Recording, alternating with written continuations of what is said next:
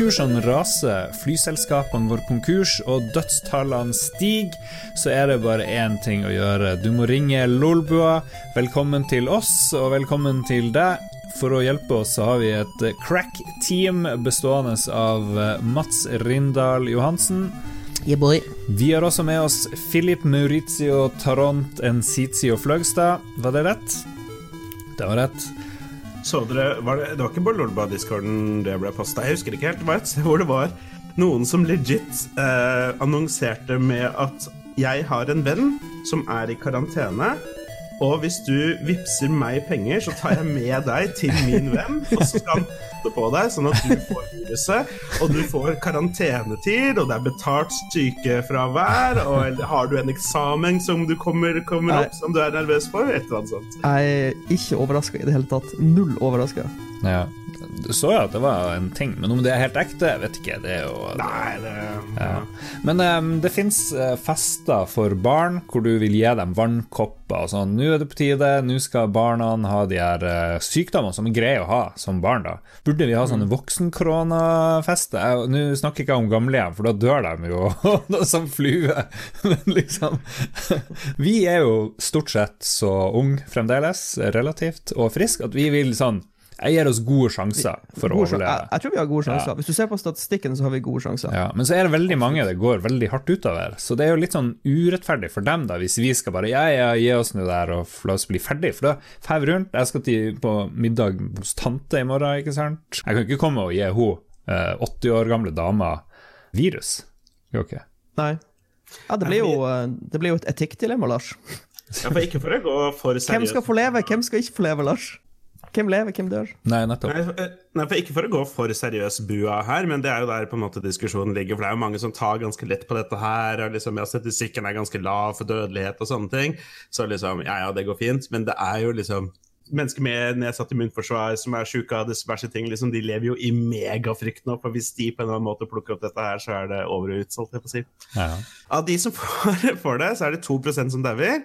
Det er 20% eller noe sånt nå som må til sjukehus, som må bli innlagt. Og så er det en liksom, et god andel som liksom blir ordentlig sånn influensasjuke. Altså må liksom legge et men, men vi, det er jo Så er det en ganske god andel som bare går rundt, føler seg helt fin, og så har man bare viruset. Philip, hva har du styrt med? Jeg ser du, du har eh, det er mye med skjermer å gjøre, ser jeg. Ja. Det er eh, Nå må vi ta det litt ned på til lekmannsgrunn igjen etter den altfor seriøse starten på denne episoden. Så Joakim Strandberg der ute, jeg driver også og kjøper TV. Dette er en lytter eh, som jeg har kjent lenge, som har eh, snakka mye om det i det siste på Lordboa Entourage på Facebook og på Discord, at han driver og prøver å overtale, overtale sin kjære til å kjøpe TV. Jeg er oppe i samme prosess. Um, det begynte med at jeg fant en TV, som en Samsung QLED-TV, til kjempegod, kjempestor rabatt, til bare 9000. Oh. Men så så jeg at den beste versjonen av som Samsung QLED-TV-er kosta bare sånn 13 000. Hmm. Men så begynte jeg å sammenligne Samsung sine QLED med LG sine OLED, og OLED er en del bedre. Og den nest beste OLED-en til bare 15 000! Men så måtte jeg få den frakta til meg, og da kommer den opp i 17 000. Og den beste LG OLED-TV-en, den koster bare 19 000! Og plutselig så går det fra 9 til 19 på 0,x, og så klarer vi ikke helt bestemme oss. Ja. Vi får se. Jeg burde egentlig ha bare is i magen og vente på at 2020-modellene kommer ut, sånn at 2019-modellene faller enda mer i pris, men eh, ja, ja. Det er nok å bruke penger på. Hva du har gjort, Lars? Siden sist? Eh, jeg, har, eh, jeg har eh, kjøpt meg PC. Jeg snakka jo om å kjøpe en ny laptop her for noen uker siden. Du var jo så nervøs for tastaturet og sånne ting, hørte jeg? Ja, jeg var jo skeptisk til Macbook Air-tastatur, Macbook Air 2019, men tenkte ja ja, yolo, fuck it. Jeg skal på jobb, det blir mye eksternt tastatur uansett, osv. Men det er helt forferdelig. Jeg må innrømme at det er helt grusomt, det tastaturet der. De sier det er blitt bedre. Æsj. Nei. Mac, Mac har screwed the pooch her. Var han Taika sin rant på Oscar-utdelinga rettferdig? Ja, det var jo det morsomste med hele Oscaren i år. Han eh, Regissøren eh, kom, kom, og klagde over Langa at han fikk ut mot Apple. Altså, forfattere og folk, kreative folk de får senebetennelse av de nye tastaturene og bla, bla, bla. Og jeg kjente Etter to sekunder så kjente jeg fuck, han har rett! Jeg får sånn rar feeling i hendene mine. Men ellers så ser den jævlig bra ut. Den er kjapp og smidig og fin og alt det der, så jeg tror jeg skal bare parkere den på jobb, ta den med på møter av og til, og så skal jeg ha noe annet hjemme. Men det verste er jo, nå fikk jeg lyst til å kjøpe en eh, Macbook Pro 16-tommers til 30 000 ish, eller noe sånt. Veldig billig laptop. Åh, for de har bra tastatur òg. Så Ja, bra tastatur, verdt 30 000. Dere snakka om det siste episode. Christian og jeg har den samme Macbook Pro-en 2019-versjonen, og de, de er kjempefine. Eh, Jeg Mm. syns tastaturet der er eh, Jeg har jo et veldig mekanisk tastatur til vanlig hjemme, og det er jo ikke langt ifra det, så det er ikke perfekt på noen måte, men det er, den Macbook Airen, den, den skal være sjukt tynn, og da blir tasten der sånn så vidt du føler at det er sånn, sånn touch- touch-tastatur, nesten. Og det, ja, jeg Ja. skjønner irritasjonen.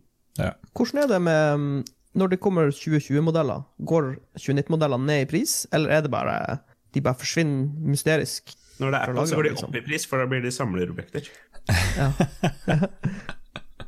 Nei, det er jo vanskelig det der med gammel hardware. De forsvinner jo bare stort sett hos Apple. Det bare fases ut. Men så Mm. Det er kan ikke du sånn få TV at du kan hos gjøre det et kupp. Ja, du kan kjøpe gammel drit hos Elkjøp og sånne ting. Det kan du gjøre. Men Mm. eh, det, er- jeg vet ikke, det er litt deilig å kjøpe ting hos Apple, for da vet du, da er det from the source, from the teat. Fra moderskipet. ja. ok.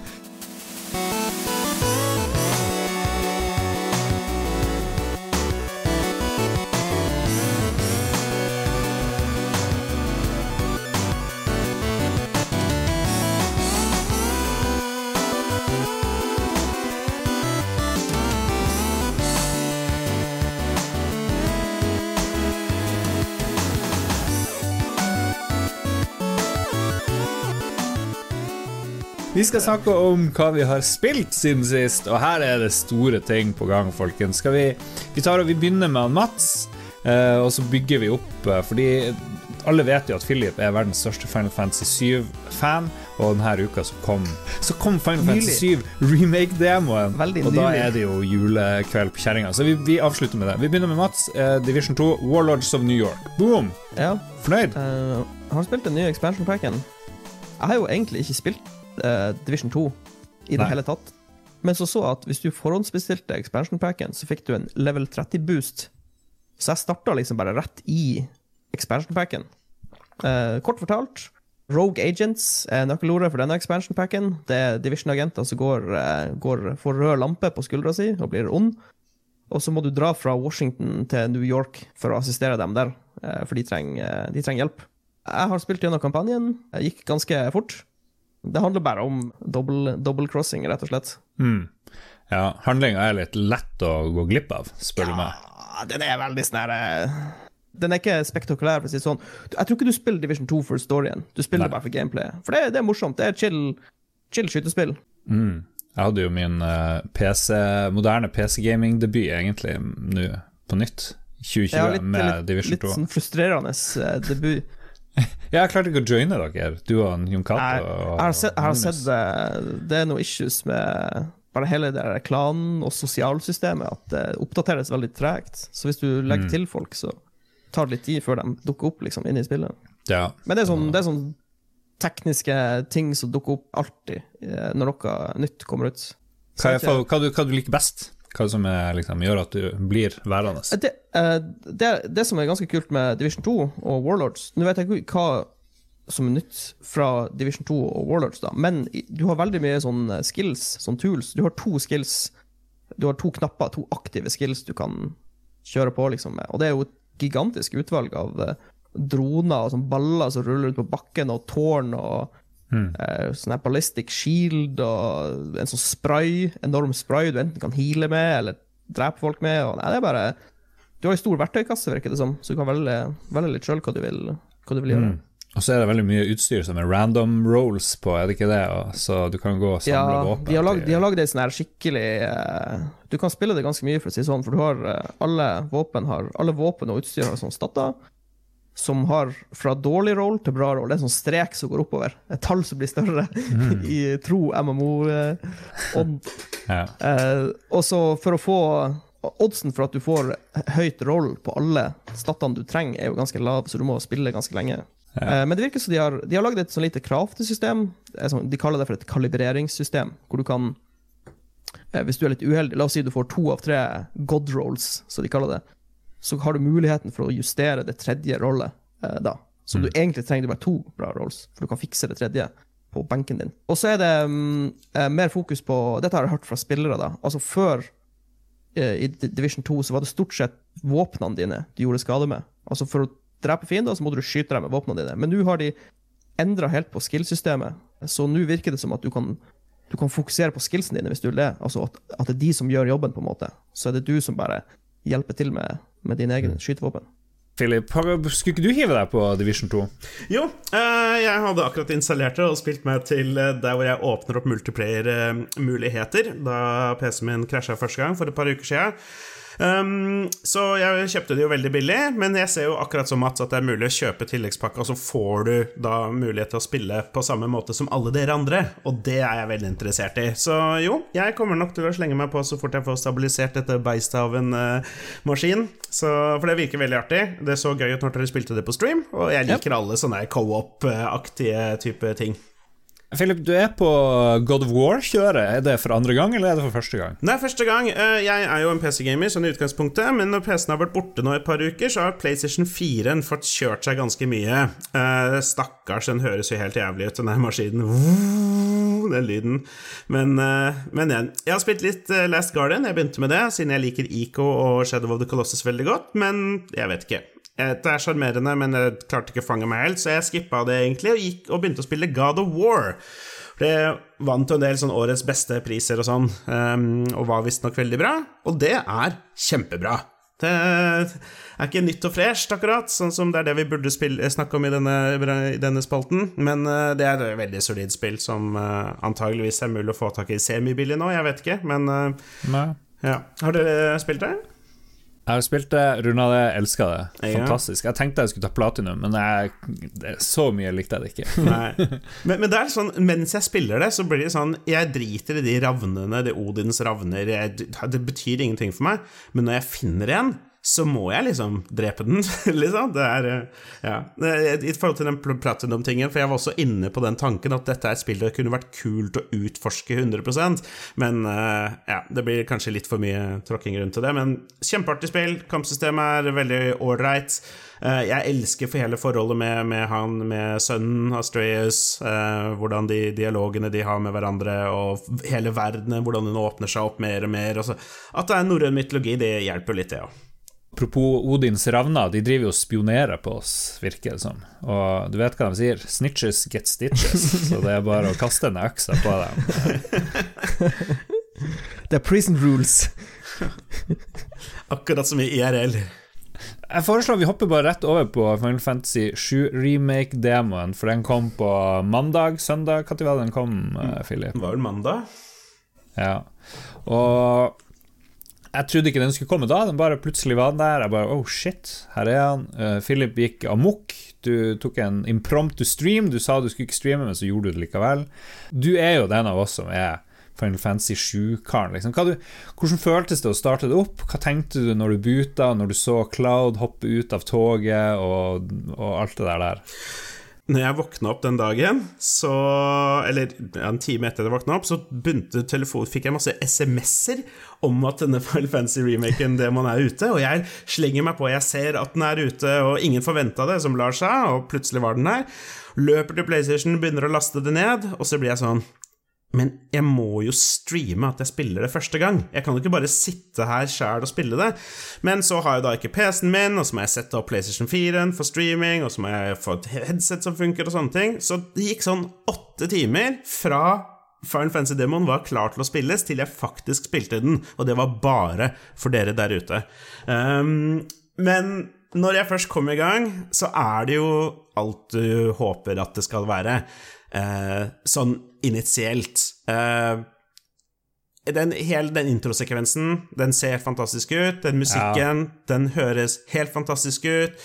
Og når du zoomer ut, og du får den Final Fantasy 7 remake-logoen med liksom tima opp til musikken, akkurat som i originalen, bare i en 2020-utgave, da er det frysninger. Jeg har ikke snakka med en eneste person som har spilt som har et noe forhold til originalen, som ikke uavhengig av hva du syns om resten av demoen, som ikke blei litt sånn wow, ok. Ja, samme her. Det, det var sånn når du gikk inn på kinoen for å se Star Wars eh, igjen, ikke sant, etter 20 år så kom det endelig en ny Star Wars-film, og du bare hører den der musikken og bare bæ, bare bæ. Det var liksom den der feelinga. Altså, fuck hvordan det skjer ellers, liksom, hvordan det går, om det er bra eller ikke, men det er, det er jævlig kult, og det er deilig. Og det hadde jeg ikke forventa. Jeg hadde ikke forventa å få gåsehud og bare kjenne at «Åh, det kribler i kroppen. Fordi jeg kom på sant, hvor, hvor nyskapende eller hvor nytt alt føltes når du kjørte på Final Fantasy 7 for første gang, og hvor magisk bra det, det egentlig var. Tenk, tenk hvis de bare har tenkt på den følelsen, og så er det bare alt fokuset er på de fem første prosentene av spillet, og så er resten bare sånn Ja, Kan det virke sånn litt? Nei da. nei, nei, men fordi det er jo på en måte en ting som mange er litt nervøse for. Nå snakker jeg heller for som en, en som frekventerer en del Final Fantasy 7-communities. eh, og um, For det er en balanse. Hvor mye skal de oppdatere spillet til en 2020-versjon som er morsom å spille i 2020, og hvor mye skal de bare kjøre fanservice, på en måte? Enn så lenge så syns jeg de har balansert det veldig godt, etter hvert som vi skal snakke mer om demoen. Men det, det er åpenbart noe de har fokusert på. At liksom de slenger inn sånne fanservice-ting som gjør sånn Åh, ah, Og det, det tror jeg ikke Det tror jeg kommer til å være ganske gjennomgående. Det var uventa på meg at du kunne spille på to ulike måter. Du har en sånn eh, eh, litt sånn kjapp eh, fight-teknikk-greie. Husker ikke helt hva det heter. Og så var det en hvor du går veldig sakte, du, du beveger deg nesten ikke, men du slår mye hardere, og du er mye tregere. Og så måtte jeg google det, fordi jeg følte ikke at spillet forklarte det før veldig langt ut i spillet. Det tok en ganske lang halve demoen før, du, liksom, før jeg skjønte combat-systemet. sånn stances, eller. Ja, fordi originalen er jo turn-based. Ja, ja. Og nå er det at du kan springe rundt fritt. Du kan slå eh, litt sånn heavy og light attacks, og så kan du trykke på X, og da fryses eh, bildet. Og Da kan du gå i menyer, finne frem items, du kan bruke abilities, eller du kan bruke magi. Mm. Og da blir det jo litt sånn turn-based, men eh, ikke helt likt, da. Men det er ikke noen mulighet for å gå 100 turn-based. Jeg trodde det skulle være en mulighet, men Ja. er det det, Philip? Det virker ikke sånn. Hele forskjellen i kampsystemet eh, som For det, dette har de snakka mye om, og det er en del sånne her, eh, misoppfatninger. Fordi mange har sagt sånn Å, det er veldig Kingdom Hearts-aktig, det er veldig Final Fantasy 15-aktig, og det er mer et action-RPG. Type du, du flyr rundt og slåss, på en måte. Eh, fordi du må trykke så mye på firkant, i hovedsak. Fordi firkant, da slår du. Eh, hele poenget med å trykke på firkant er for å bygge opp disse ATB-ene. Um, og, uh, Active Time forklare Battle. hva en ATB. Ja, uh, i, I gamle dager, i i originalen, så, begynte, så var det en, en, en linje som fylte seg opp, som het ATB, Active Time Battle. Og Når den gikk opp, så fikk du lov til å gjøre noe. Angripe, bruke magi, bruke item eller noe sånt, nå, og så måtte den fylles opp på nytt igjen. Her så flyr du rundt og slår, fram til du bygger opp en sånn bar, og i motsetning til før, så må du slå for at den baren skal bygge seg opp, eller blokkere, osv. Og, så og når den har bygget seg opp, så kan du gjøre en ekstra kul ting. Eh, det som, eh, det som dere snakker om som er det som heter classic mode i kampsystemet, er at da fungerer det på samme måte, men der trenger du ikke trykke på firkant. Der vil bare figuren gå rundt av seg selv, slå litt, blokke litt, og så vil den ATB-en Den vil bygge seg opp av seg selv over tid. Så øh, Ja, men det er jo ganske ulikt sånn som det var i Ja, nei, originalen. jeg mente at du kan ikke få en modus hvor liksom du står på venstre side, Finn står på Nei, høyre side, nei. og så er det akkurat som er Ok, det, det får du ikke. Nei, nei, det får du ikke. Du kan spille det på samme måten som at du Nå kommer jeg i kamp, nå venter jeg til det er min tur, nå velger jeg å gjøre noe, og så venter jeg til det blir min tur igjen. Du kan spille det på den måten, men, men det, er, det er egentlig litt meningsløst, spør du meg. At Ja, det er meningsløst, fordi du må jo springe rundt og finne fienden aktivt og sånt, for hvis du bare står i ro, så jeg prøvde det classic mode, da sto han bare i ro der, liksom, og så Du må gjøre noe, du kan liksom ikke bare stå jeg, ja, jeg, det. Jeg testet det også en runde gjennom, og jeg syntes det var kjempekjedelig. Fordi da, da Eller ja, du må løpe rundt, og så kommer du i kamp, og så kan du egentlig bare vente på at det blir din tur. Men da, du må uansett bare gå og vente, og da kan du like gjerne bare trykke på firkant, eller gå i en retning hvor du vil være, på en måte, i stedet for bare sitte der med kontrollen i hånda, på en måte. Eh, Jeg skjønner hvorfor de la den inn, I guess. Eh, men den, den Jeg tror ikke det er så mange som kommer til å spille den, og de som spiller den, kommer, tror jeg ikke kommer til å kose seg så mye med den. Kanskje hvis du er veldig full en kveld og bare vil liksom lene deg tilbake, men eh, Nei, den virker litt meningsløs for meg. Eh, litt billig gjennomført også. Kanskje jeg det, er noe, det som Mats nevnte, at hvis de først skal legge inn i classic mode, så kunne det vært noe nærmere det, da. Jeg vet ikke hva Ja, man skulle ha jeg fått til, men nekter å tro at det er tekniske ting som holder dem tilbake. Mm. Det må mer være fra et sånn game design-ståsted. Ja. Hvor lang tid brukte du på å spille gjennom demoen, tror du, Philip? Uh, jeg husker ikke helt. Jeg streama i en time og ti minutter, 20 minutter eller noe sånt nå, men det var med litt snakking før den tilbake. Det var 40-45 minutter, 50 minutter, noe sånt nå, tror jeg. Det var i underkant av en time, i hvert fall. Ja, for du, det begynner med starten av Final Fantasy 7, og så skal du sprenge opp en sånn Mako-reaktor, og så er det egentlig Er det egentlig slutt? Ja, for det er litt av på en måte det En terroristaksjon med er det første du gjør i spillet. ja, Det er det som er litt av det legendariske med originalen. Er hvordan liksom, å, i den intro, så bare kastes du rett inn i action hvor du er en del av en terroristgruppe som skal sp sprenge en reaktor. Um, og hele det første oppdraget er jo da demoen. Og det er eh, Nei, ja, jeg vet ikke. Det er så mange ting som er liksom spesifikke ting som jeg har lyst til å snakke om. Men ja, kampsystemet spesifi spesifikt, da, er veldig eh, annerledes. Men Lars, er det gøy? Jeg syns det var gøy å være Claude. Jeg syns det var ganske kjedelig å være Barrett, for det er vel bare de to du kan være, er det ikke det? Ja, det Han har et uh, distansevåpen, en Gatling gun, og så kan han også skyte noen raketter, eh, og så har han en par abilities og et par spells, men uh, jeg vet ikke, jeg syns det var morsommere å springe rundt og hoppe med sverd og sånne ting, enn å stå på avstand og gjøre bitte litt skade. Det føltes ganske puslete ut, den der eh, skaden hans. Ja, Så Det er veldig mange jeg snakka med som har spilt det nettopp slik at de styrer Claude, og så går de til Barrett når de må, liksom når det er noen fiender litt lenger unna. Um, en ting som, gikk, eh, eh, som Lars nevnte litt i stad, dette med at han, det var forskjellige stances. Um, kampsystemet, du trykker på firkant for å angripe, og så hvis du trykker på trekant der har hver, en, hver figur har sin spesielle ting. Så Claude går over da i en ny stance hvor han slår hardere, men kan ikke blokke prosjektilangrep. Um, og mens Barrett har bare et ekstra hardt skudd på sin trekant. Men han kan da trykke på trekant flere ganger for å recharge den, da. Men da bruker han jo tid på det, osv., osv. eh, syns du Combat var ok, da? Uh, ja. Ja, jeg mislikte det etter første gang jeg spilte gjennom. Eh, Da var jeg ganske lite overbevist, eh, som de som så på streamen eh, fikk med seg. Så hadde jeg en lang diskusjon om det med Erling i Spillmatic, og jeg tror mye av problemet mitt eh, var at jeg, jeg kom nettopp fra God of War. Jeg kom fra Attack and Slash, og jeg glemte å bruke ATB-ene mine.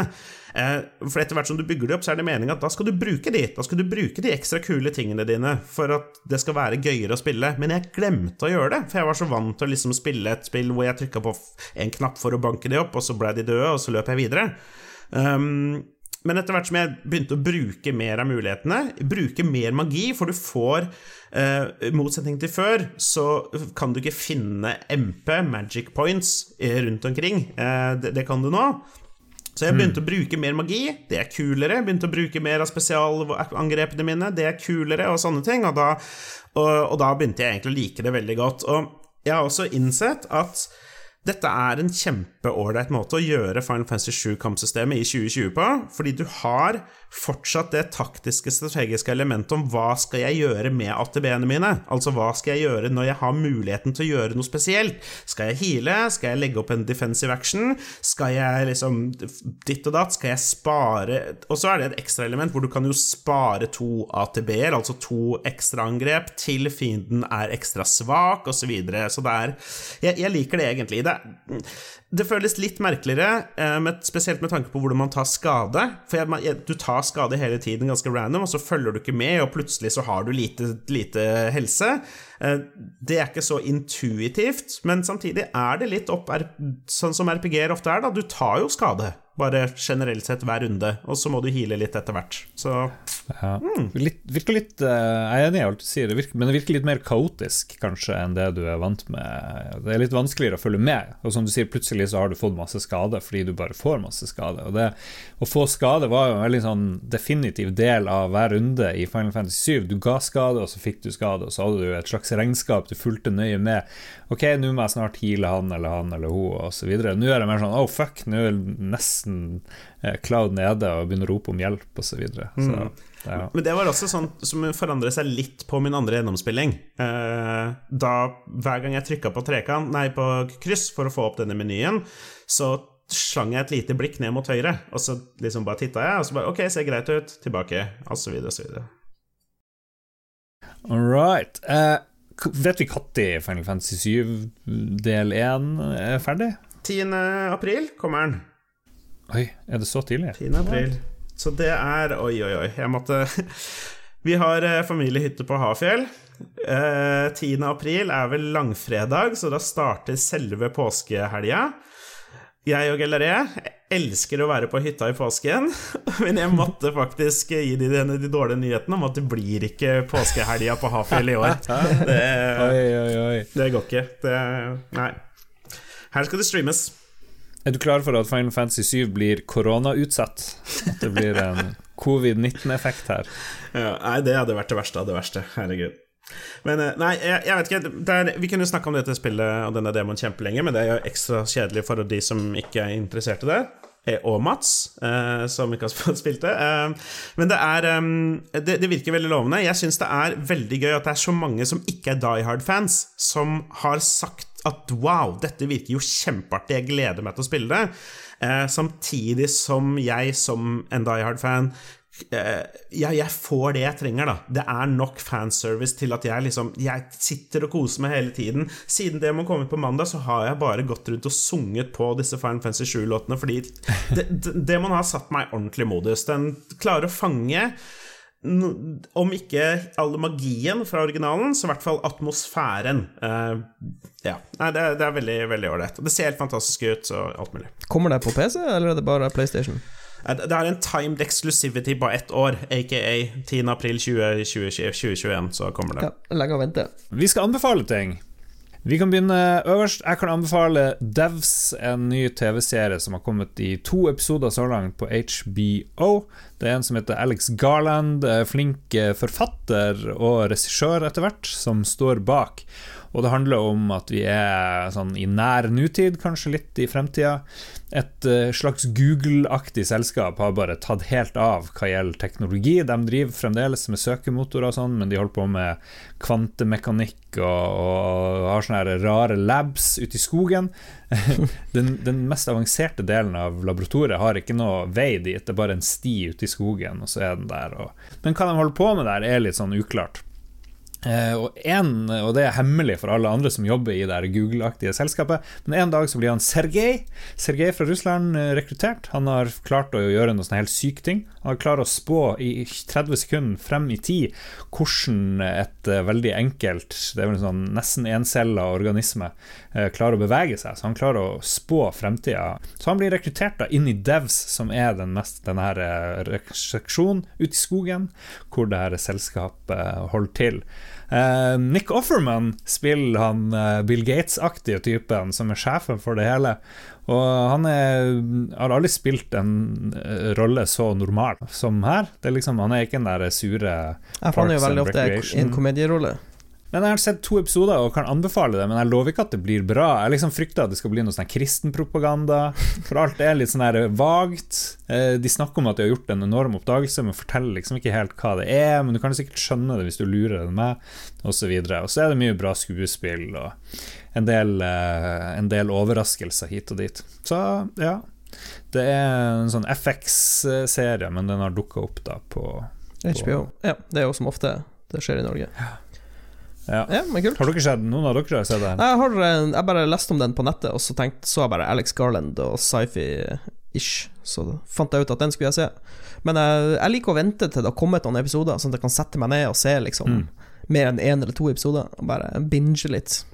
Jeg, Alex Garland er ikke han som har lagd den der X-Makina? Ja. ikke det han uh, robot, roboter i skogen? Jeg lurer på om det er noen roboter her òg. Det har ikke jeg tenkt over. Possible spoiler alert. Possible. Philip, uh, what you been doing uh, som du kan anbefale Jeg vil gjerne anbefale noe som jeg mm, kom på PlayStation Network på mandag. Det er Final Fantasy 7-demoen av remaken. Uh, den er kjempebra. Jeg er litt misfornøyd med at de har uh, forandra navnet til Guard Scorpion til Scorpion Sentinel, men det skal jeg tilgi de.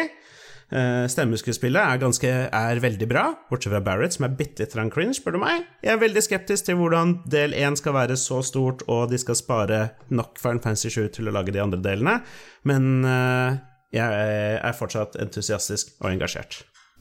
Skal jeg si deg noe? Du har ikke lov å anbefale spill i anbefalingsspalten. Nei, jeg anbefalte en opplevelse. Final Fantasy 7 Remake Demon. Nei, ok, ok, ok. Lang historie kort. Kjæresten begynte i ny jobb nå på mandag, for første arbeidsuke. Så hele denne uka så har vi spist vanlig mat til middag. Vanlig mat som er ikke spennende. Og så spiste vi noe veldig godt, eller pizza fra Domino's i går. Altså god, deilig nam-nam-junk. Så min anbefaling denne uka er å spise vanlig mat mandag til torsdag. Kjedelig mat. Og så spiser du noe skikkelig digg på fredag. Hva du skal gjøre på lørdag og søndag, da? Eh, Kjedelig mat da? nei, da spiser du også skikkelig digg mat, men det høres ikke like greit ut. Ok. Hva kan du definere som vanlig mat? Nå er jeg litt spent. Eh, nei, det går egentlig bare mest i ting som ikke er veldig spennende. Vi spiser jo ting som ikke er vondt, men eksempel det går en del i ris og poteter liksom eh, på en måte ikke er ikke er fried eller, masse, eller noe spennende krydder eller noe sånne ting. Det er liksom bare ja, ganske standard. Dere spiser tilbehør som er middag.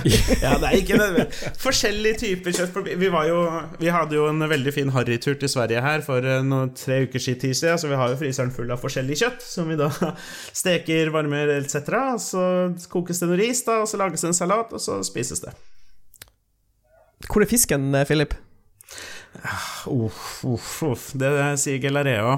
Hun Gelaré er veldig glad i fisk. Jeg er ikke Jeg pleier å si at eh, min religiøse overbevisning tillater meg ikke å spise fisk. Og så slutter folk å spørre fordi de syns det høres legit ut. Men, That's some eh, bullshit, yo. ja, jeg er egentlig bare ikke så sjukt glad i fisk. Noe laks er ok, men ja. Ok, Kjapp oppdatering på hvordan samboerlivet er. Nå er det tre uker dere har vært eh, samboere, er det ikke det? Ja. For første gang. Det var litt sånn eh, gn- små gnisninger når da det skulle skrus opp møbler eller noe sånt. Så, eh, Ja. hva, er, hva er siste nytt? Ja, nei, Det er jo alltid det når man flytter sammen for første gang. Når man må bli vant til hverandres rutiner og sånne ting. Ehm, men etter hvert som man bor sammen en stund og kommuniserer godt, så går det seg bedre til. Ehm, det er fortsatt litt lite forståelse for at uh, når jeg gjør noe bare for å være snill, og det er feil, så gjør, jeg, gjør jeg det ikke for å være slem. Men uh, ting er mye bedre, og det er faktisk så bra at eh, dette til og med det, Når dette TV-kjøpet faktisk begynner å bli en realitet, da betyr det at da er det tomler opp. Mats, du har fått en ny venn, ser jeg. Mm, jeg har fått en liten assistent som bor i gangen min. Han heter Robo-Tore. Jeg har lyst til å Jeg, har lyst til å, jeg skal faktisk anbefale robotstøvsuger. Um, mm. Jeg husker han Lars fikk jo en robotstøvsuger i gave for masse år siden. En, eh, Wow, wow, en ganske dårlig sak. Som uh, Han klarte vel veldig lite. Han, han forsto liksom ikke hva han skulle gjøre. Han klarte ikke å gjøre jobben sin. Jeg tror han var operert bort halve i robothjern. Ja. Han var lobot- lobotomisert. Eh, så jeg var litt sånn skeptisk til robotstøvsugere, men så har det jo gått noen år nå. Det har tydeligvis skjedd ting. Så leste jeg noen tester, og så var det så mye lovord. Folk snakka så varmt om de. Og så så jeg at de har begynt å bli ganske billige. Du kan få eh, Jeg har kjøpt en serie som heter Roborock, som er noe sånne kinesiske greier. Men eh, veldig positivt overraska. appen, er, Ok. appen er dødsbra. Jeg har sendt han ut på tre turer nå mens jeg har vært ute, og han fungerer som bare det.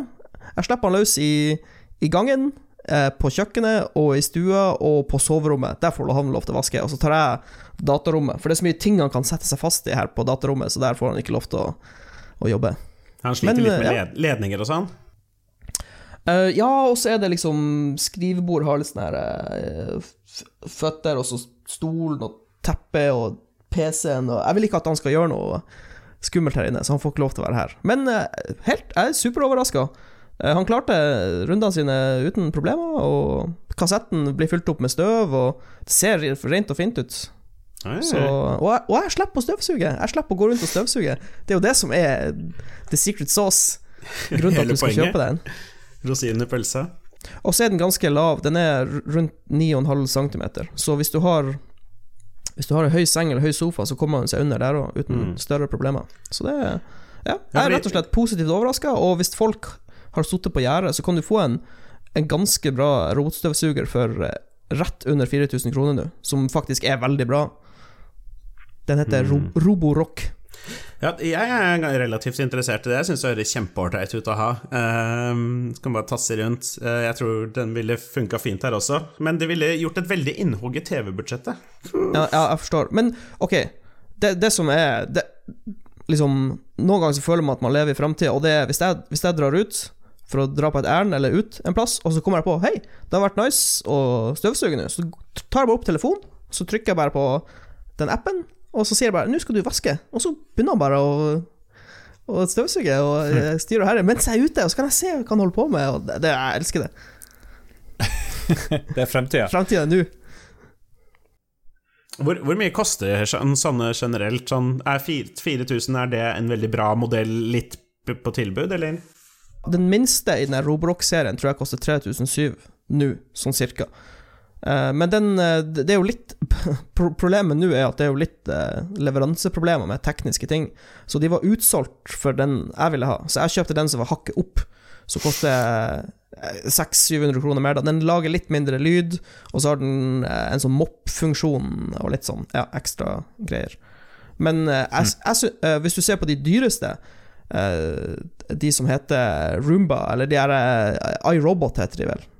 De har jo en sånn toppmodell som koster 14 000 eller noe sånn idiotisk mye, men jeg tror den modellen her er like bra, faktisk. Jeg tror bare det er overprisa de andre. Så det trenger ikke å koste skjorta. Etter eh, apokalypsen er ferdig, så er det bare Roborock og Robotore som er igjen og rydder og ordner og holder ting rent. Han er avhengig av strøm, da, så de må ha noe sånn solcelleordning. Så kan han, Skyver rundt på likene. han, kan, han kan rulle rundt og, eh, og, og tørke støv eh, med steinene i fjæra. Kjenner jeg de rett, så utvikler de nok kunstig intelligens snart og kan bygge sine egne solcellepanel, så Ja, det er jo eh, Du får jo glimt av fremtida i Division 2, eh, når du ser den eh, enorme robothunden fra Boston Dynamics gå rundt med en minigun og plaffe ned sivile i gata. Det er sånn visjon fra 20, 2035.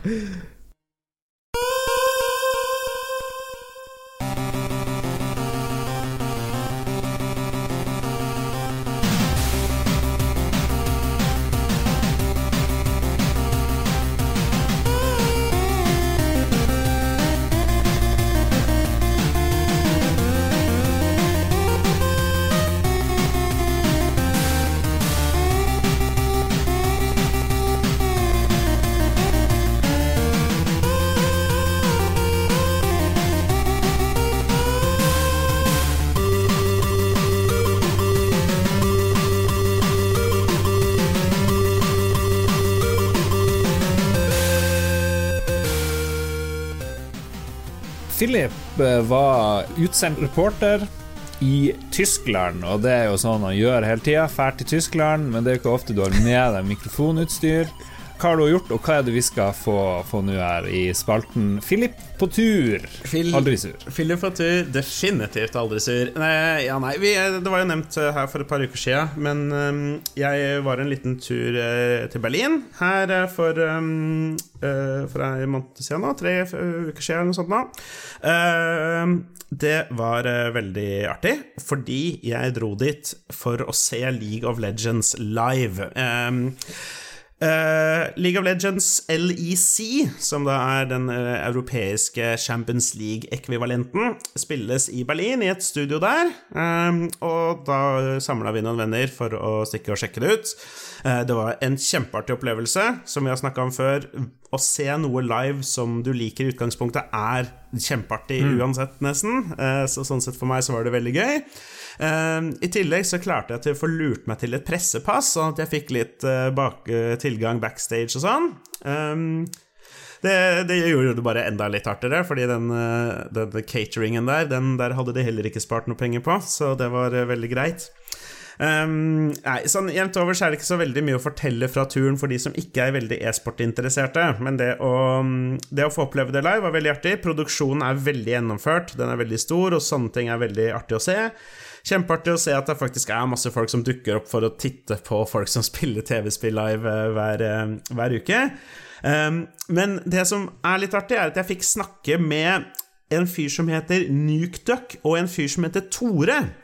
Og de to mm. er Norges eneste profesjonelle eh, League of Legends-spillere i LEC, altså da på det høyeste europeiske nivået.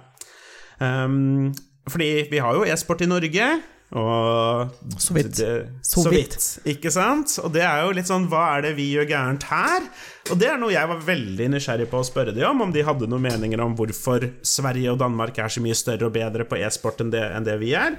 Mm. og så Generelt sett så er det jo spennende å høre om hvordan livet til en profesjonell dataspiller er, og eventuelt om de hadde noen tips for hvordan jeg også kunne få betalt for å spille TV-spill. Da sitter jeg her med Tore, aka Tore. Ja.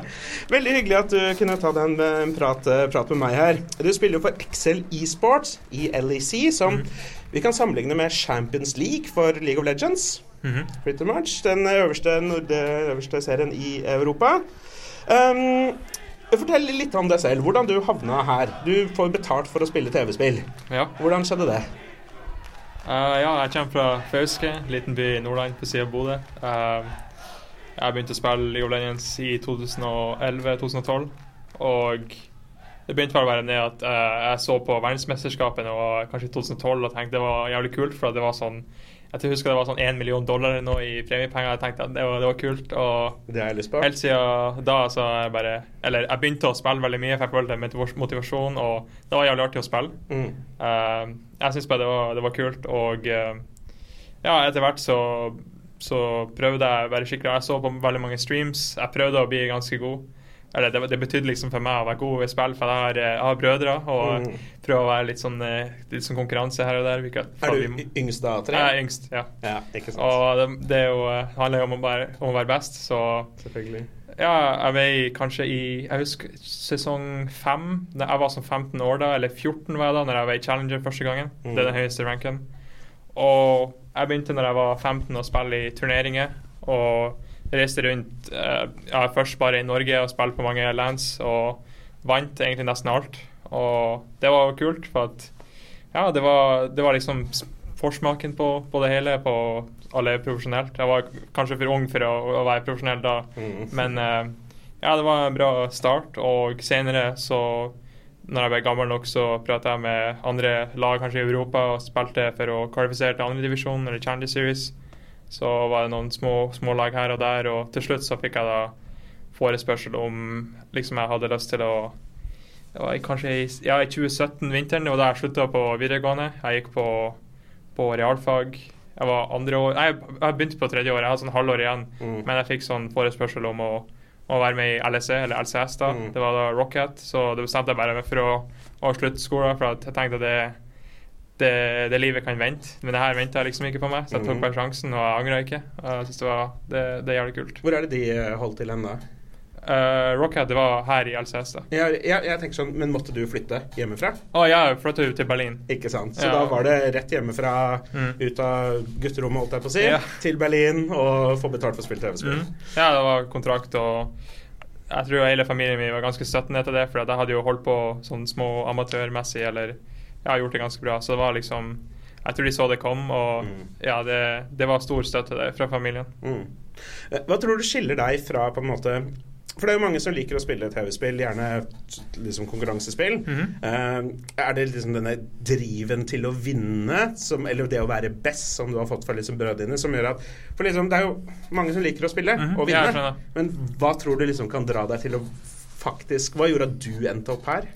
Um, jeg tror det finnes mange forskjellige typer gamere. Du har folk som kanskje bare spiller konkurransespill, f.eks. sånn CS eller Ligda, Dota.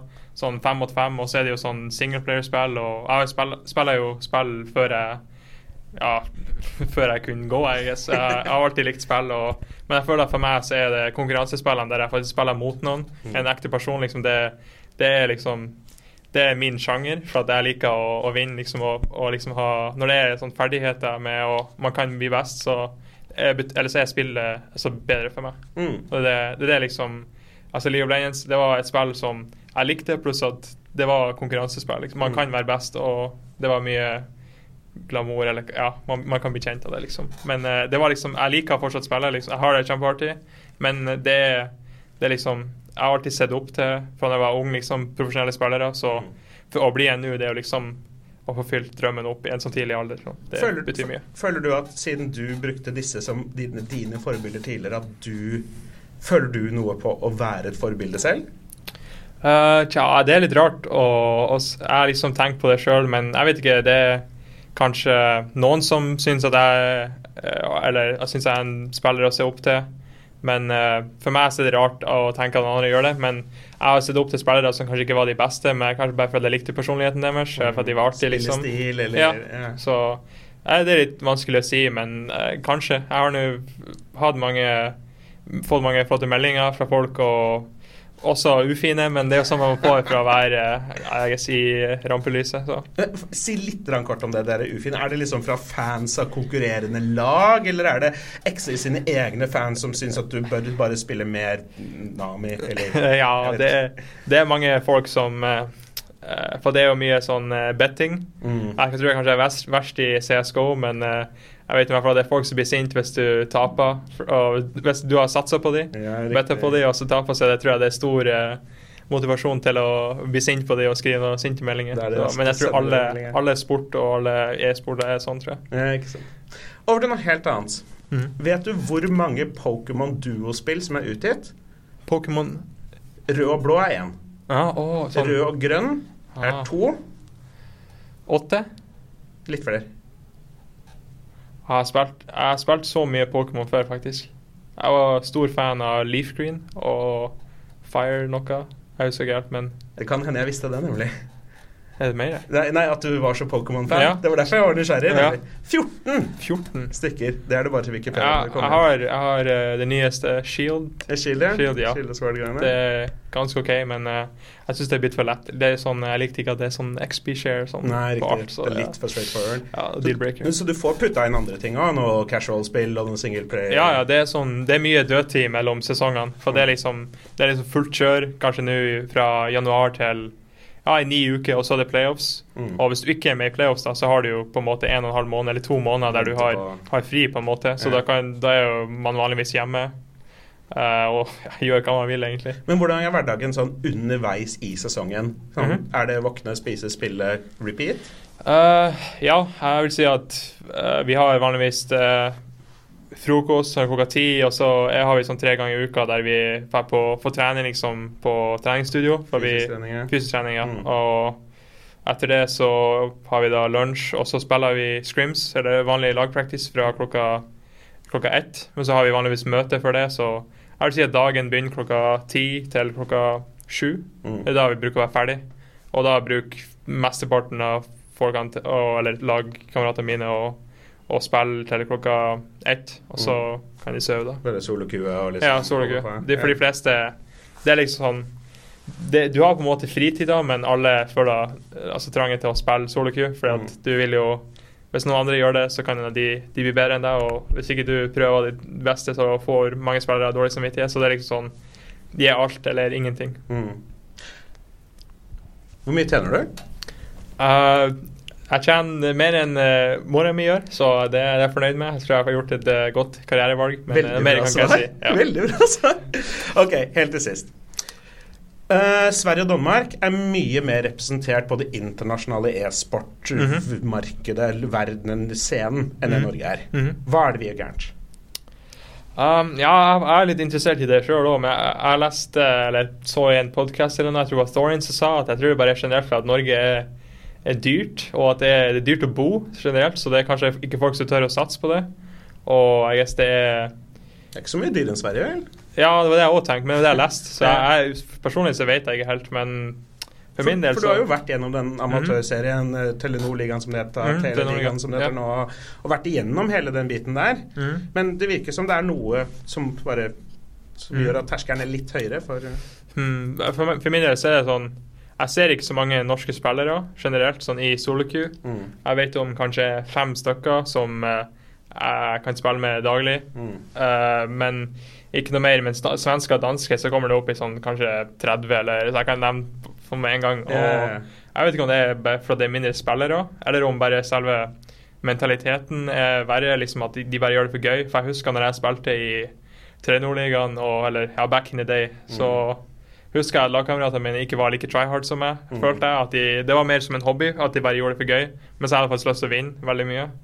Så jeg, jeg vet ikke om det, det er en blanding mellom mentalitet, eller om det bare rett og slett er mindre spillere fra de. Mm. Ja, riktig. Ja, nei, jeg kan se for meg det. Men Mhm. hvis du skulle gi det et tips, da. Mhm. Send et tips hjem nå. Bestekameraten min, Erling, han Mhm. driver Telia-ligaen. Ja, nei, eh, det er viktig å guess, gjøre det du liker. Hvis du ikke liker å spille league, eh, da burde jeg kanskje ikke så lurt å, å, å si at du har lyst til å spille profesjonelt. Men jeg, hvis du virkelig syns det er artig og du har lyst til å gi inn timene og se hvor det går, så anbefaler jeg deg å prøve. Spesielt hvis du har talent. Hvis du klarer å få f.eks. Diamond eh, veldig fort og du ikke spiller mye, så tror jeg det er verdt, å kanskje prøve å legge inn ekstra timene og få med på guides eller se på streams eller generelt bare studere spillet mer. For at du vet aldri hvor det kan gå. Og jeg vil si at de fleste folkene som jeg har møtt som er, er gode, de har liksom bidd høy rank Mm. veldig fort med en gang. Og så bare fortsatte de å spille og prøvde liksom å legge inn ekstra. Så ble de da kjempegode. Mm. Så jeg tror hvis, med mindre du prøver, så, så vet du ikke hva som kan skje. Jeg sitter her nå med Erlend, aka Nuke Duck, som du kanskje er nok mer kjent for som veldig mange. En av to nordmenn som får betalt for å spille League of Legends på det høyeste nivået som er. Du spiller på Origin. Du har eh, vært, eh, vært proff noen år nå. Og det jeg lurer på i utgangspunktet, er hvordan går man fra å være liksom, konkurranseinstinkt i et spill, til å liksom, komme dit hvor man klarer å leve av det?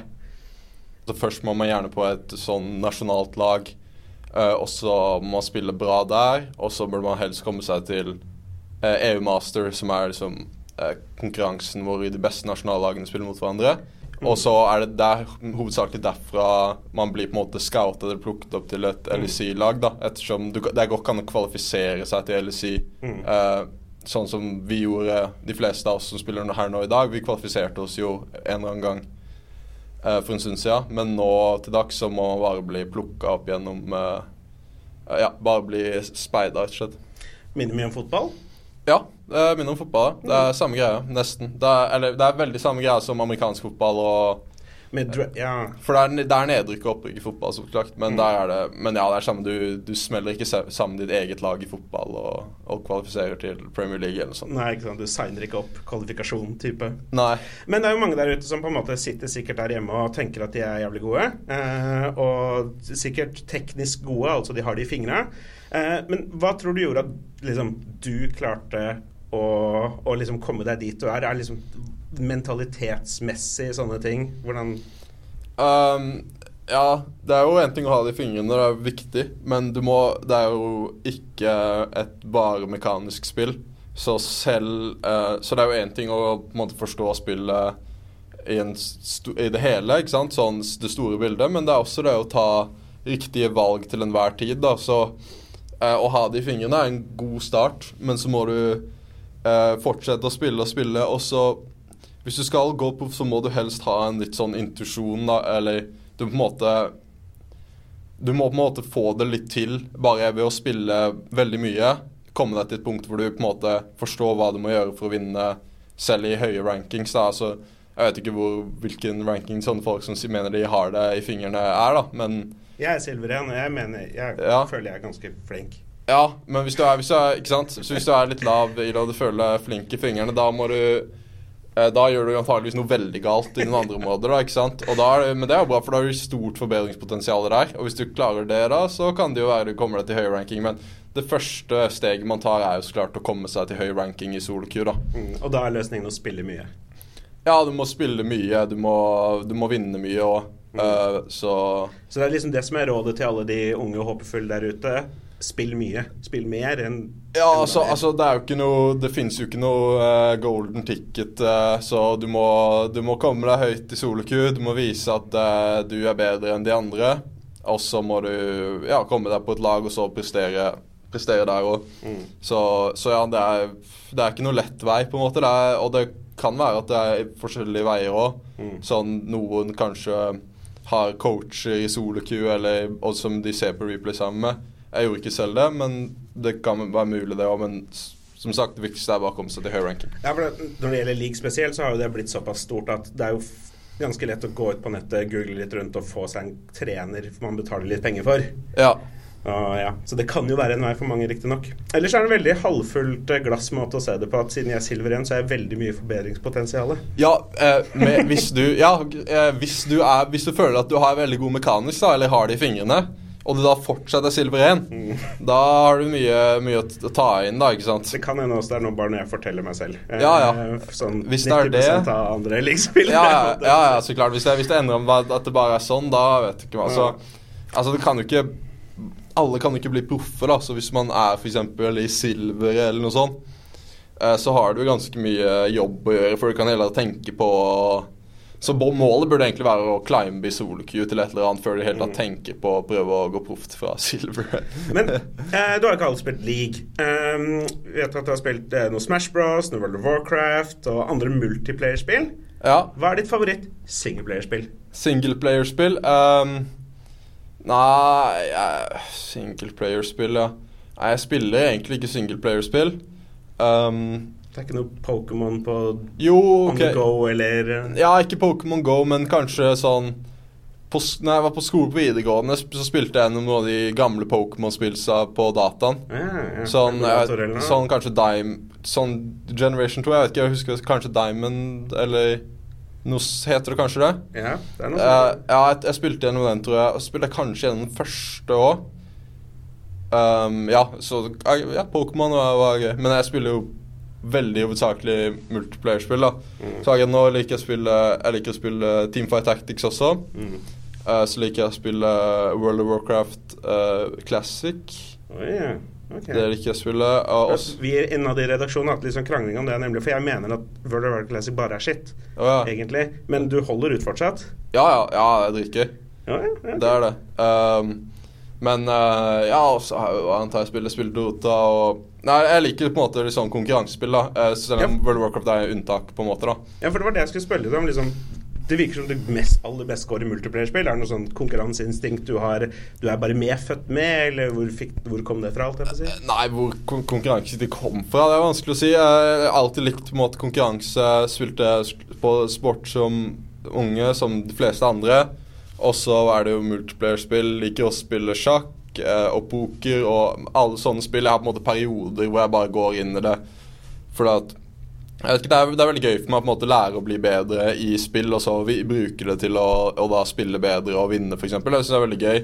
Eh, og det er jo så klart gøy å gå på nye spill, så det, blir du veldig mye bedre veldig fort, ikke sant. Mm. Og den en forbedringskurva føles veldig bra, da. Så Du nevnte sjakk. Du har en konto som heter Magnus Carlsen. Eh, Nei, ja, jeg het det i 2016 eller 2017 eller noe sånt. Er du stor fan?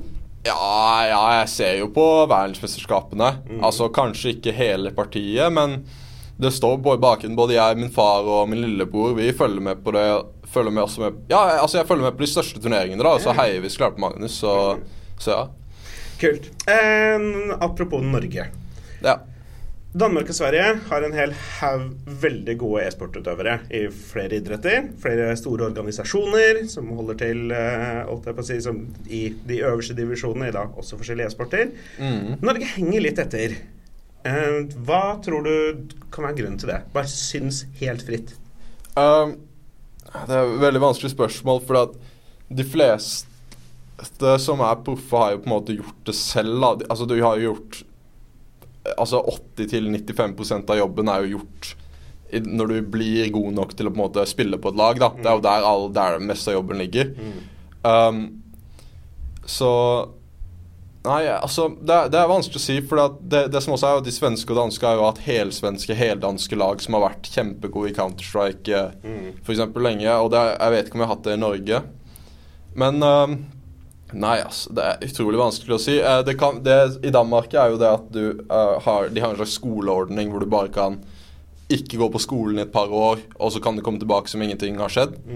Så det kan jo være det hjelper de. Um, men eh, ellers er det vanskelig for meg å si. Jeg følte ikke at for meg at det var noen hindring at jeg bodde i Norge til at jeg kunne spille mye og konkurrere på internett. For det foregår jo på internett. så nei, det er vanskelig å si.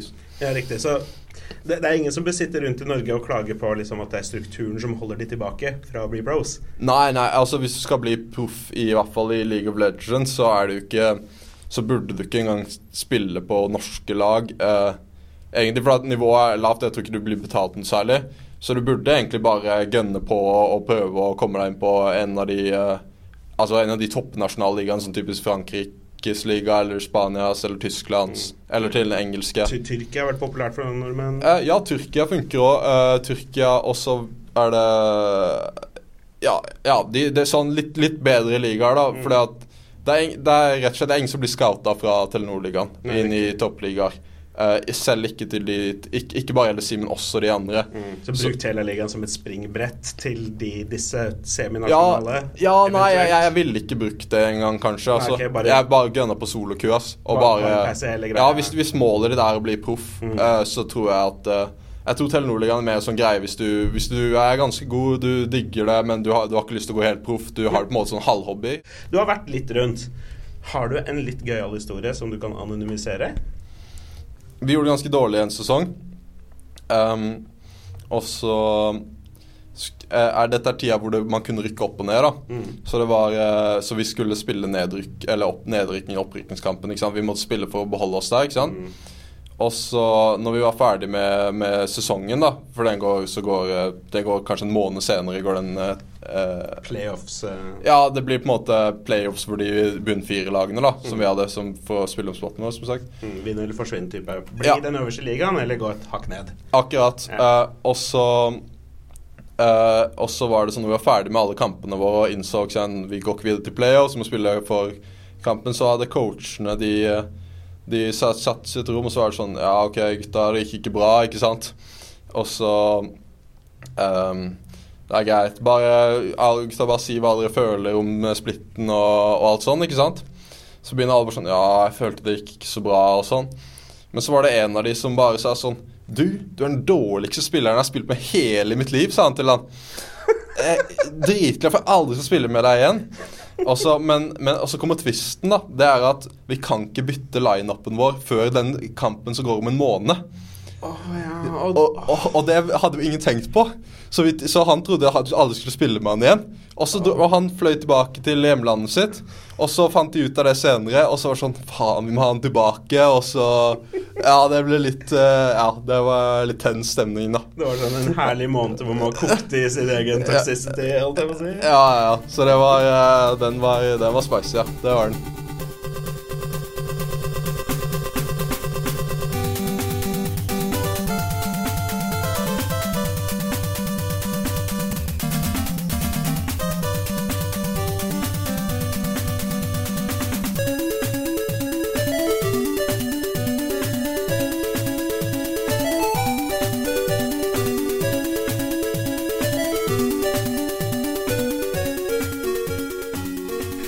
Lytterspalten. eh, Når Jon Cato er med, så prøver han å sabotere den hver eneste gang. Så jeg er glad for at han nå igjen er på soning og ikke kan være med oss eh, i dag. Det er en glede. Skal vi se.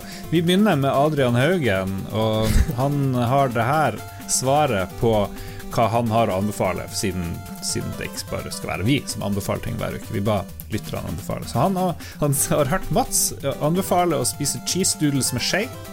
Og det fikk han jo anbefalt oss, og han syns det var Han anbefaler det videre, rett og slett. Han gjør det. Ja. He's paying it Ja, jeg back. liker det. Er du fornøyd, Mats? Du, du har reach. Jeg har fått én disippel. Ja. Det ble en ganske heftig diskusjon i Lolbo Entourage på Det ble det. Facebook Det ble en magisk, magisk diskusjon. Jeg elsker det. Nei, jeg syns Ja, det, det er bra at folk engasjerer seg om de viktige tingene i livet. ja. Apropos viktige ting, Magnus Eide Stanstad, Philip, hva er det han uh, vil ha oss til å gjøre? Jeg vet ikke om det er helt tilfeldig at det kommer nå, men han an- anbefaler overflatedesinfeksjon. Ja. Veldig hot, hett tema. Hett tema. Går det an å desinfisere innenfra? på et vis. Underflate Intern infeksjon. Nei, desinfeksjon. Hva skjer hvis du drikker antibac? Da blir du Jeg tror det er dårlig, dårlig times. Jeg tror det er ekstra beskyttelse. Men ja, jeg, jeg, jeg ser greia. men Det er sånn som jeg spurte Gillaré i stad hva, hva hun anbefalte at jeg anbefalte i dagens uh, sending. Hun bare 'vaske hendene', det er viktig. Ja. Jeg bare, okay. ok. Ikke ta deg i ansiktet. Hva dere, har dere gjort noe precautions, gutta? Nei, jeg er fortsatt uh, Hvis koronaviruset kommer, så må det komme. Så eh, I will weather that storm. Ønsker det velkommen, du. Uh, han Bjørn Bjelland uh, vil gjerne anbefale Lolbua-episode 32, når han lar seg litt sur pga. manglende dansende damer i bur hos Sony på E3. Ja, Morsomt jeg husker tilbakeblikk. det. Ja. Det gode Nei, det var, det var andre tider før, Dette var før, før metoo. Me ja. Herregud. Det her tar seg dårlig ut akkurat nå, ser jeg. Det er derfor tus, Stor takk til Bjørn Bjelland, som uh, sørger for at vi trekker opp uh, 250 eh, 290 gamle Det episoder. har, blitt, det har blitt like bra som en pakke melk fra episode 32. Som jeg muligens òg har. Ja, nå, nå, er det verste, nå har jeg lyst til å gå tilbake og høre på hvor sur Lars egentlig var. For nå kan jeg se for meg bare sånn Å, det er ikke noe gøy å bare gå rundt, og så er det ikke noen damer eller noe, da. Ja, det må du gjøre. Truls Nordby anbefaler bandet Powertrip og plata Nightmare Logic. Jeg fant det opp eh, på Facebook like før sending, men jeg fikk aldri hørt, hørt om det. Men de har flere plater, og ser ut som de er veldig, veldig på powerkjøret. Vet ikke hva det betyr, men vi får sjekke det ut. Ja, jeg vet ikke, Noen som kaller plata si for Jeg har aldri hørt om det, men når det heter Nightmare Logic, så føles det ikke så velkomment. Helge Larsen har binga de fire første sesongene av Better Call Saul, og han klarer ikke å slutte å tenke på den serien. Eh, han liker den bedre enn Breaking Bad, som han elsker. Eh, den er litt tregere enn Breaking Bad, men karakterbygginga eh, den serien har, er noe av det beste han har sett, uansett serie eller film. Eh, jeg er veldig enig, faktisk. Eh, jeg har også sett de første fire sesongene av Better Call Saul, og han eh, Bob Odenkirk som Saul Goodman slash Jimmy McGill fungerer sinnssykt bra. Han er, han er en dyktig fyr. Jeg elsker den serien, jeg òg. Det var så vanskelig å komme seg gjennom Breaking Bad. da Det var jo et helvete å se Breaking Bad. Det, var, det er jo smerte. Jeg fikk vondt av hver episode, omtrent. Ikke sant? Ja, det, er- det er litt av det samme her. Du, liksom, du, det, er ingen, det er ingen snille personer, liksom. Det er det jeg liker. Alle har flås, det er ingen som er liksom perfekt. Eh, Men du liksom Til og med ondingene har positive sider, liksom. Det, jeg, jeg elsker det. Det er ekte personer. Nesten. Nesten ekte personer. Erik Berg Johansen foreslår noe som jeg kan være en, en musikk, det kan være bok, det kan være Jeg vet ikke, hjelp meg her. Det er musikk. Jeg sjekka, det er musikk. I am no between the country. Ja, ei enkel anbefaling. Vår flygeledervenn Kosti Eriksen eh, sier at hvis vi vil ha underholdning, så melder vi oss inn i folkeopprøret mot klimahysteri. Grattis latter døgnet rundt. Ja, så kom det jo opprør mot folkeopprør. Ja, vet du hva, det er. Facebook. Jeg melder meg helt Ja, ut av det der. Jeg gidder ikke, jeg orker ikke. Jeg mener, det er en, en av ti i Norge tror ikke på menneskeskapte klimaendringer. Det er liksom Det er ikke så mange. Dere, man trenger ikke vie dem så mye oppmerksomhet. De kan få lov å være skeptiske, men det er én av ti. Det er ikke så mye. La dem være i fred. Hold på. En sånn artig greie på det hvor det er sånn forskerne bare sånn Ok, koronavirus er der ute. Eh, du bør vaske hendene dine og være forsiktig med hvordan du hoster og sånn. Og alle bare sånn Ok, shit, jeg må kjøpe meg maske, og jeg må bli inne hele tida, og herregud. Forskerne sier Hei, det er klimaforandringer, vi må være forsiktige. Folk bare Ja, særlig. Det er et godt poeng. Eh, Det siste jeg så, var at nå er det jo Jeg tror det var i går kveld eller noe. Nå var det opprør i folkeopprøret mot klimahysteri. Altså innad Ja. i folkeopprøret var det nå opprør. How ironic. ja. det er magisk. Eh. Han Rune S. Småbråten vil gjerne anbefale Gloomhaven, som er et eh, magisk brettspill. Til de som ikke har prøvd det, så er det Det er så nært du kommer Dungeons and Dragons i brettspillformat, og så er det ingen som trenger å være dungeon master. Alle, alle er spillere.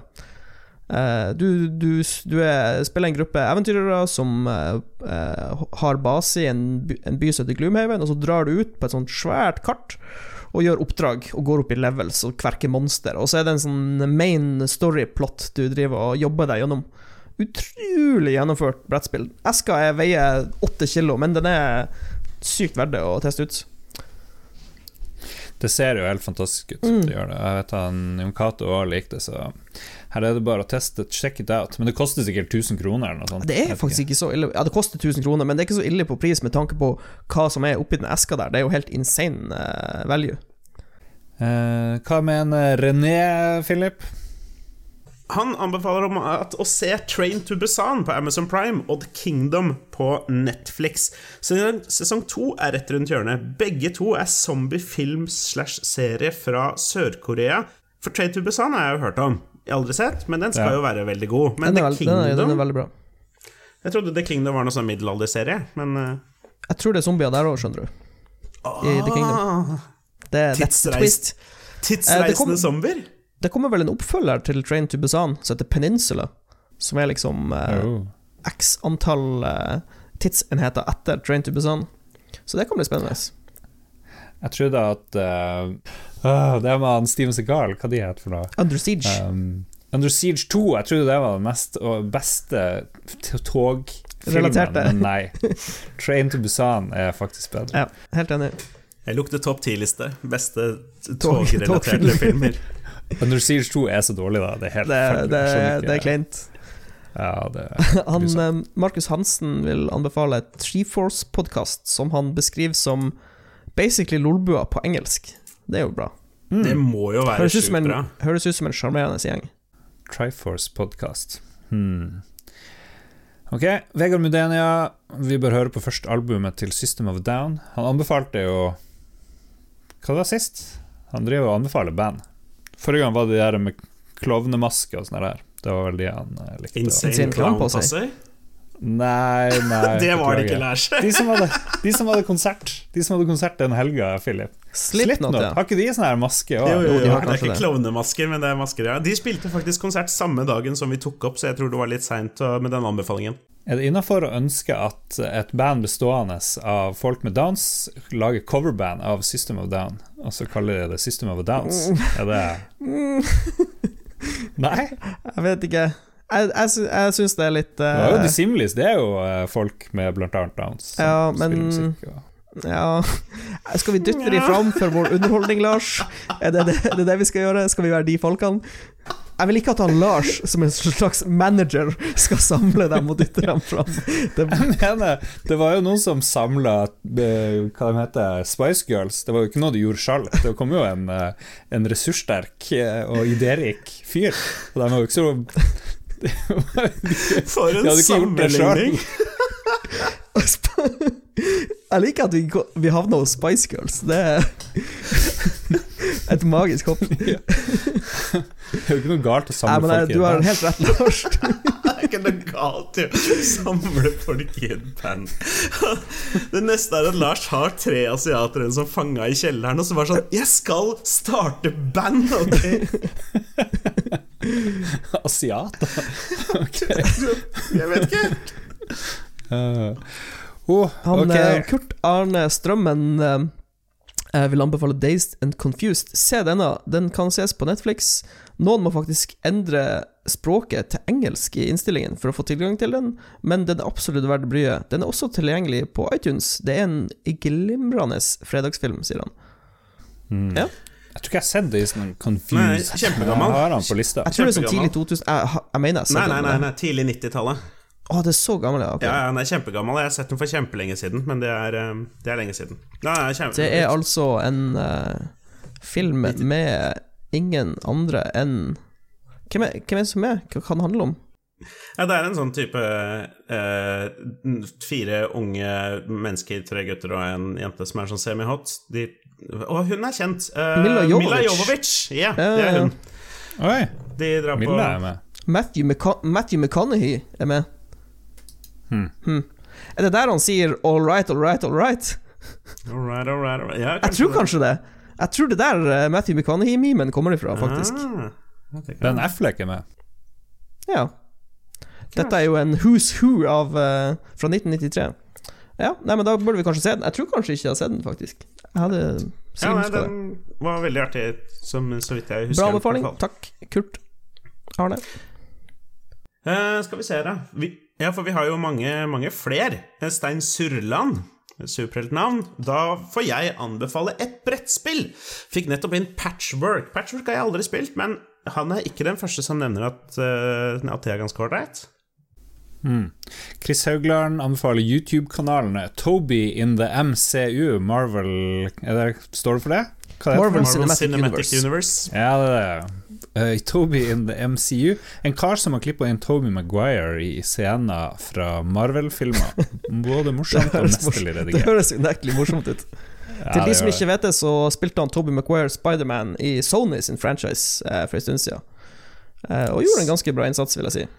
Sam Raimi-trilogien. Og nå er det Mm. snakk om at han skal hentes tilbake for å Doctor Strange. Ja, for å lage Doctor Strange. Det tror jeg kan bli Ah. kult. Sam Raimi Mm. og Doctor Strange. Hmm. All-right kombo. Ja. Eh, Norveg Norvegicus eh, Galeicus Delirius eh, vil anbefale Borderlands 3. Han kjøpte det fordi han har bestemt seg om å bare kjøpe et spill når det er billigere, og han koser seg. Historien er unik, eh, ikke på nivå med toeren, men eh, det ville vært vanskelig å kopiere, og han liker det og gleder seg til DLC-en. DLC. Var det noen som fullførte Borderlands 3 her? Nei, jeg har eh, Jeg tenkte jeg skulle plukke det opp når det dukka opp på Steam. Det var liksom min store strategi. Jeg var så uansett opptatt med andre spill, så ja. Det er litt i backloggen. Men jeg har lyst til å spille det, for jeg liker Borderlands. Jeg liker serien. Nei, jeg spilte, spilte vel toeren noe i co-op, og det var det. Holdt jeg på å si. Jeg vet ikke, jeg har aldri vært en sånn enorm skytespillfyr, i motsetning til Mats. Så det beit meg ikke like mye, men det er jo Katarina er vel kanskje den eneste redaksjonen som er eh, 100 av det. Ja, hun er jo Liksom- vår Warlands-person. ja, ekspert. Mm. Ja, ja. I hvert fall ikke den eneste. Norvegikus er også megafan. Mens Kristoffer Getterboys Hansen Leistad kom med en life hack. Han anbefaler å ta en master ved siden av jobb, samtidig som han planlegger bryllup. For da må samboeren ta seg av all planlegginga. Ho.